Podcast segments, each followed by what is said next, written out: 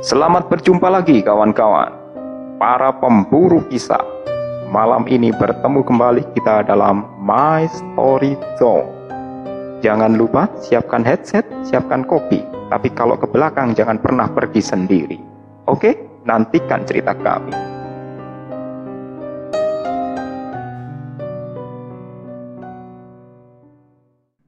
Halo sobat pemburu kisah. Selamat datang lagi di My Story Zone kumpulan cerita-cerita misteri dari para kontributor maupun pengalaman pribadi. Pada fragmen kali ini, kami menyajikan cerita misteri yang tentunya akan menemani malam kalian. Tetap bersama rekan di sebelah saya, Kang Surya. Dan rekan di sebelah saya yang hari ini tambah istimewa penampilannya, Pak Jack. Oke, Kang Surya, Gimana kabarnya malam ini? Ya, baik. Hari ini sedikit bersemangat. Nah. Ya, semoga yang memantau acara ini tetap semangat juga ya. Ya, semoga semoga. Oke, Kang Surya. Ngomong-ngomong kali ini cerita apa ini yang akan diberikan kepada para sobat pemburu kisah? Ya, seperti biasa, kisah-kisah yang saya kumpulkan dari teman-teman, teman dekat ataupun juga teman-teman yang memang sering sharing kisah dengan saya. Kali ini kisah dari teman sekolah saya yang sudah lama kita nggak berjumpa tapi saya masih ingat kisahnya seperti apa gitu. Oke, silakan Kang Surya ceritanya. Nah, Oke, saya mulai ya, mungkin gambaran. Nah, teman saya ini kebetulan waktu itu jadwalnya dia pulang kerja karena kerjanya ini shift-shiftan, jadi ada shift pagi, shift siang, malam pada suatu hari dia pulang agak larut malam. Nah, rumah teman saya ini memang ya masih dekat dengan rumah saya di pinggiran kota ya di Jawa Timur. E, memang area rumahnya itu kalau dia pulang harus melintasi rel kereta. Ya rel kereta yang agak istimewa gitu. Kenapa saya sebut istimewa? Karena memang ada jembatan jembatan rel kereta ya seperti di Jawa Timur mungkin teman-teman sudah paham ya.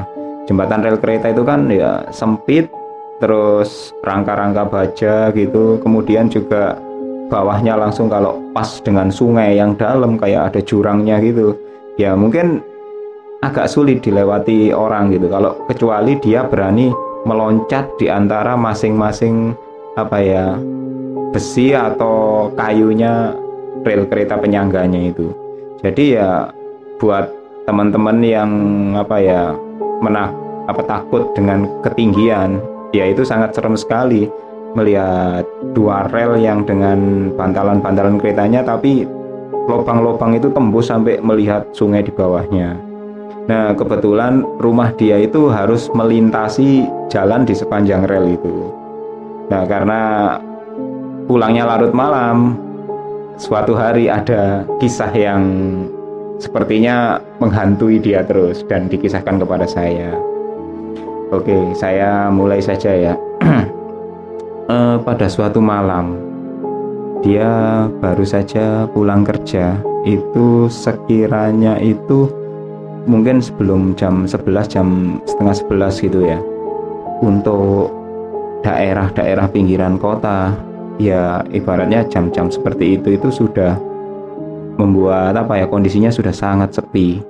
Apalagi dia itu pinggiran kota yang masih memasuki desa. Terutama ini mungkin saya sebutkan aja ya jadi di rel sepanjang rute kereta Surabaya Blitar itu kan masih banyak desa-desa yang memang ya dilintasi rel kereta dengan sungai-sungai yang dalam di bawahnya. Nah Kebetulan dia melintasi area itu dengan berjalan kaki karena memang dia memang tidak membawa kendaraan.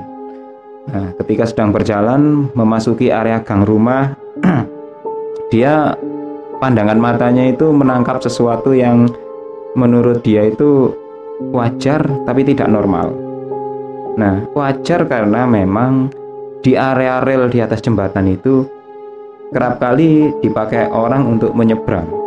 Jadi orang itu beberapa orang yang mungkin sudah terbiasa dengan rute itu, dia berjalan menyeberangi rel itu mudah saja karena memang itu rute potong kompas ya. Ya yang penting tidak terperosok gitu aja. Namun yang tidak normal adalah dia melihat ada orang yang melewati itu di tengah malam yang gelap. Dan pencahayaan minim hanya lampu-lampu di gangnya itu lampu-lampu kecil untuk penerangan gang dan sedikit di rel pinggiran rel kereta itu.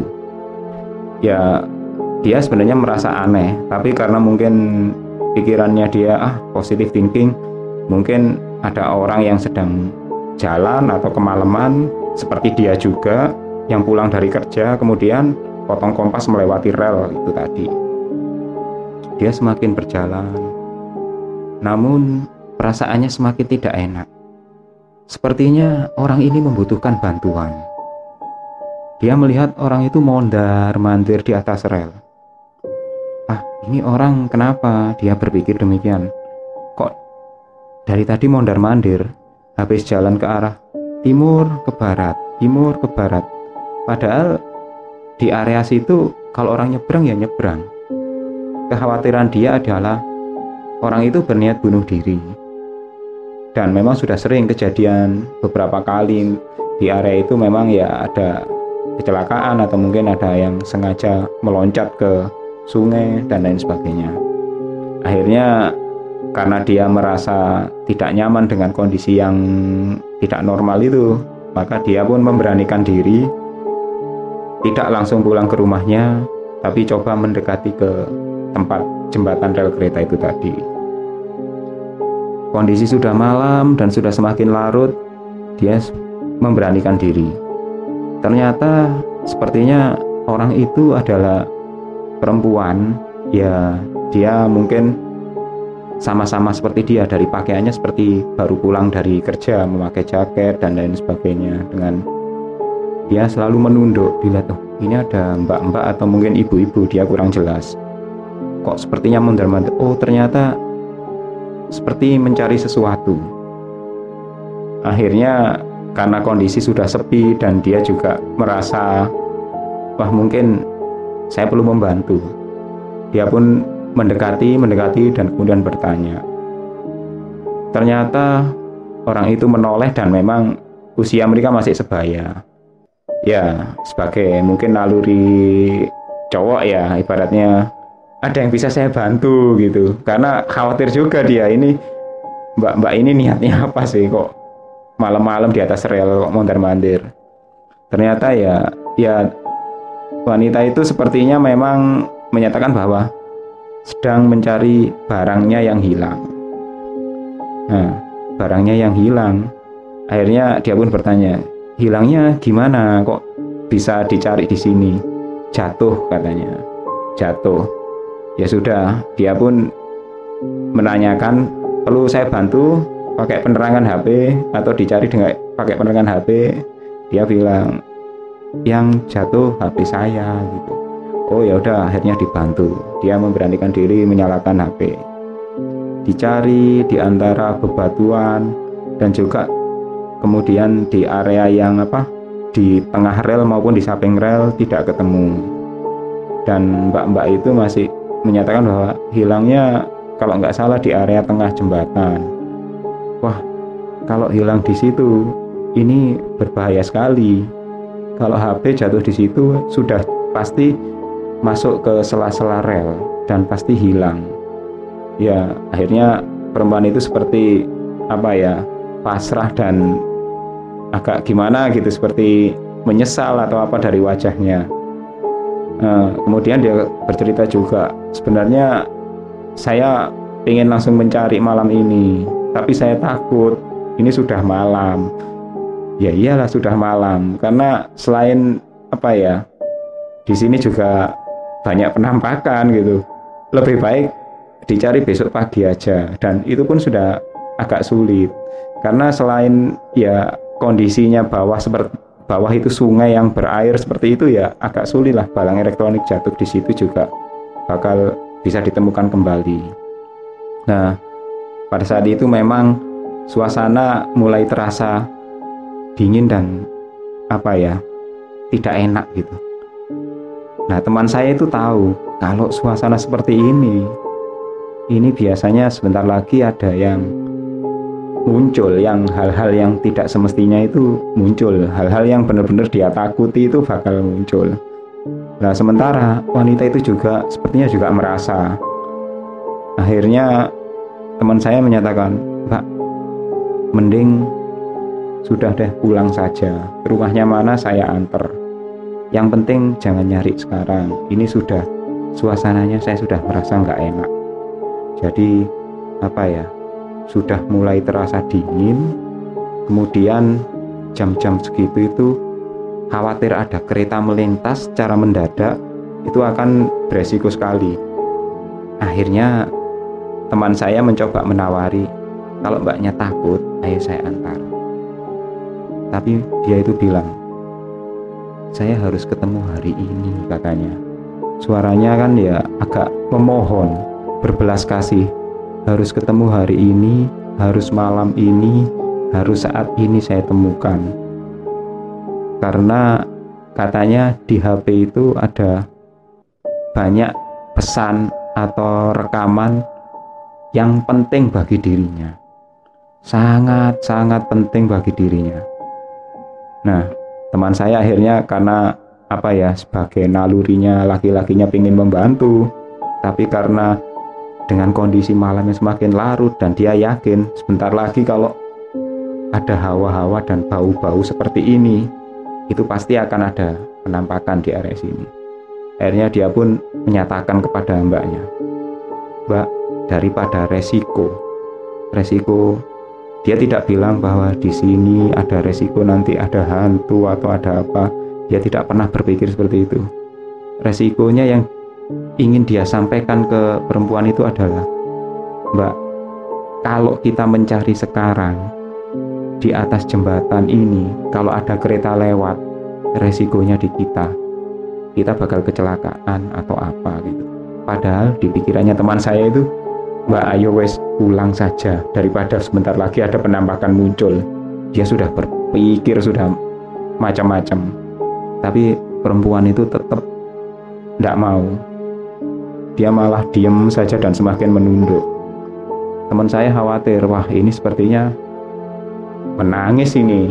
Perempuan ini kayaknya nangis kalau di biangan seperti ini karena sudah ya sudah hilang itu HP kalau jatuh di situ. Akhirnya dengan sedikit memaksa dia bilang, "Mbak, sebentar lagi ada kereta lewat. Jam segini kereta mau lewat daripada resiko. Sudah, ayo kita pulang saja." Dia menyatakan ada kereta lewat karena dia tidak mau cerita bahwa mbak ntar lagi akan ada yang muncul. Dia nggak nggak mau berita, bercerita seperti itu. Dan akhirnya wanita itu pun akhirnya berkata ini penting bagi saya. HP itu sangat penting bagi saya sekarang. Akhirnya teman saya pun mulai merasa tidak enak. Kok bisa sih mbak HP-nya hilang di sini? Dan kenapa itu HP harus dicari sekarang. Akhirnya perempuan itu bilang dia kan sambil apa ya menunjukkan wajah yang sedih dia berkata soalnya HP-nya itu hilang waktu ada kereta yang melintas. Loh kok bisa? Mbaknya naik kereta terus HP-nya jatuh. Enggak waktu kereta melintas saya lagi nelpon pakai HP itu Habis berkata itu, langsung mukanya itu kayak berubah, pucat gitu. Dan kemudian kelihatan ada darah yang menetes di telinganya. Teman saya sudah terdiam, dia cuma bisa apa ya mengucap doa sebisanya. Apalagi ketika melihat wajah wanita itu sudah mulai apa kayak katanya mewek gitu, mau menangis, tapi yang keluar itu matanya itu keluar darah sambil bola matanya itu kayak mau copot gitu.